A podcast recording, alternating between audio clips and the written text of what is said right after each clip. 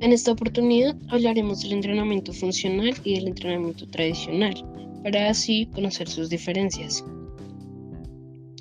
El adjetivo funcional aplicado al entrenamiento ha ido cobrando relevancia en los últimos años, sobre todo en contraposición al modelo clásico de entrenamiento con pesas en los gimnasios de todo el mundo. Pero, ¿qué queremos decir con funcional? ¿Hacemos un buen uso del concepto o lo hemos desvirtuado? Entendamos el concepto de entrenamiento funcional. Según la RAE, la palabra funcional puede significar, entre otras cosas, perteneciente o relativo a la función o a las funciones. Dicho de una cosa, diseñada o organizada atendiendo sobre todo a la facilidad, utilidad y comodidad de su empleo. Dicho de una obra o de una técnica, eficazmente adecuada a sus fines. Así, pues podríamos concluir que algo funcional debe resultar práctico, útil y adecuado a unos fines para los que ha sido concebido. ¿Qué es entonces el entrenamiento funcional? Pues cualquier entrenamiento que trabaje la función para la que ha sido diseñado. Un entrenamiento funcional debe ser personalizado para detectar las necesidades, aptitudes y carencias de la persona que va a desarrollarlo. Un entrenamiento, aunque sea para atletas del mismo deporte, no será funcional para todos, ya que existen diferentes variables que influyen a la hora de prescribir la cantidad y tipo de ejercicio necesario. Si ya tenemos que diseñar un entrenamiento funcional para personas de diferentes deportes o incluso para personas que lo único que desean es estar en forma, el concepto de funcional pierde sentido tal y como se ha venido entendiendo. El concepto de entrenamiento funcional mal entendido. El concepto de entrenamiento funcional o functional training que tanto se ha desarrollado en los últimos años, sobre todo por el auge de las grandes cadenas de gimnasios comerciales e incluso por la aparición de deportes tan versátiles como el CrossFit, ha acabado siendo una sombra de lo que un día pretendió ser. Hoy en día, si vas a un gimnasio que oferte una clase o un entrenamiento de este tipo, y preguntas en qué consiste a varias personas diferentes que trabajen allí, seguramente te contesten cosas diferentes, aunque todas te pondrán de ejemplo del material que se utiliza. Y es por eso por lo que el entrenamiento funcional está en boca de todos, porque es variado y divertido para la gran mayoría de personas que realizan actividad física por disfrute y rompe con el entrenamiento tradicional estructurado en series, repeticiones y tiempos de descanso. Pero, ¿es esto funcional?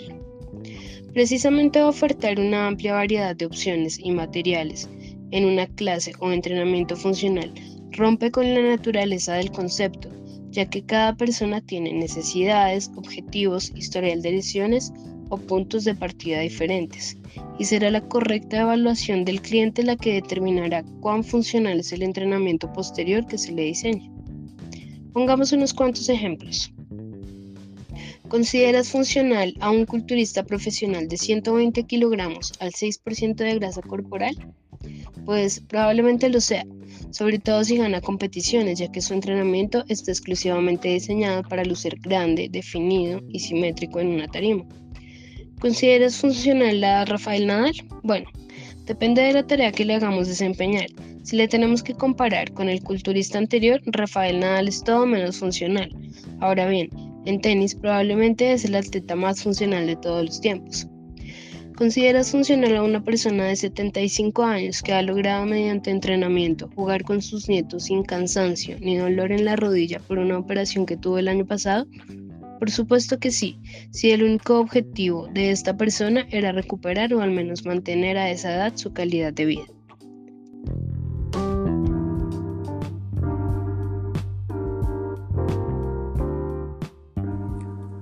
Dicho esto ya hablaremos un poco sobre el entrenamiento funcional versus el entrenamiento tradicional.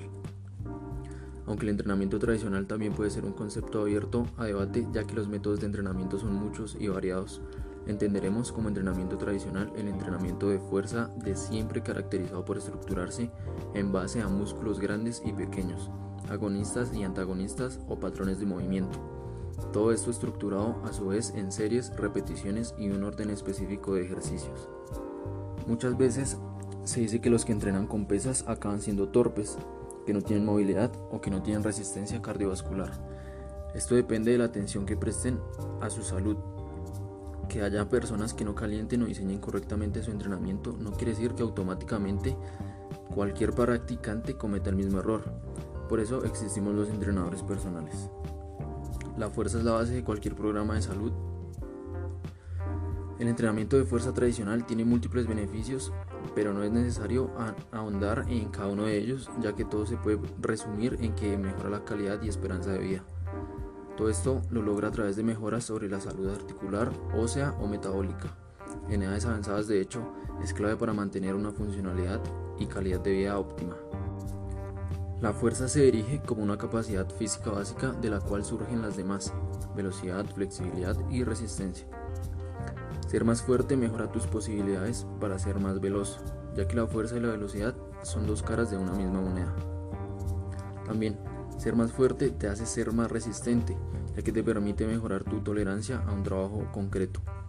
Y por último, ser más fuerte te permite ser más flexible, ya que muchas veces cuando se presentan limitaciones en la movilidad o rango de movimiento de articulaciones, esto es por una debilidad en los músculos que lo rodean, al sentir el estiramiento como una amenaza se contraen imposibilitando un movimiento completo. Así pues, ser más fuerte te hará ser más funcional en lo que decías ser funcional. Hacer sentadillas en una fitball seguramente te hará ser mejor si te presentas al campeonato mundial de sentadillas en fitball, pero no en la vida real, donde no caminamos sobre pelotas de fitball. Muchas gracias por escuchar.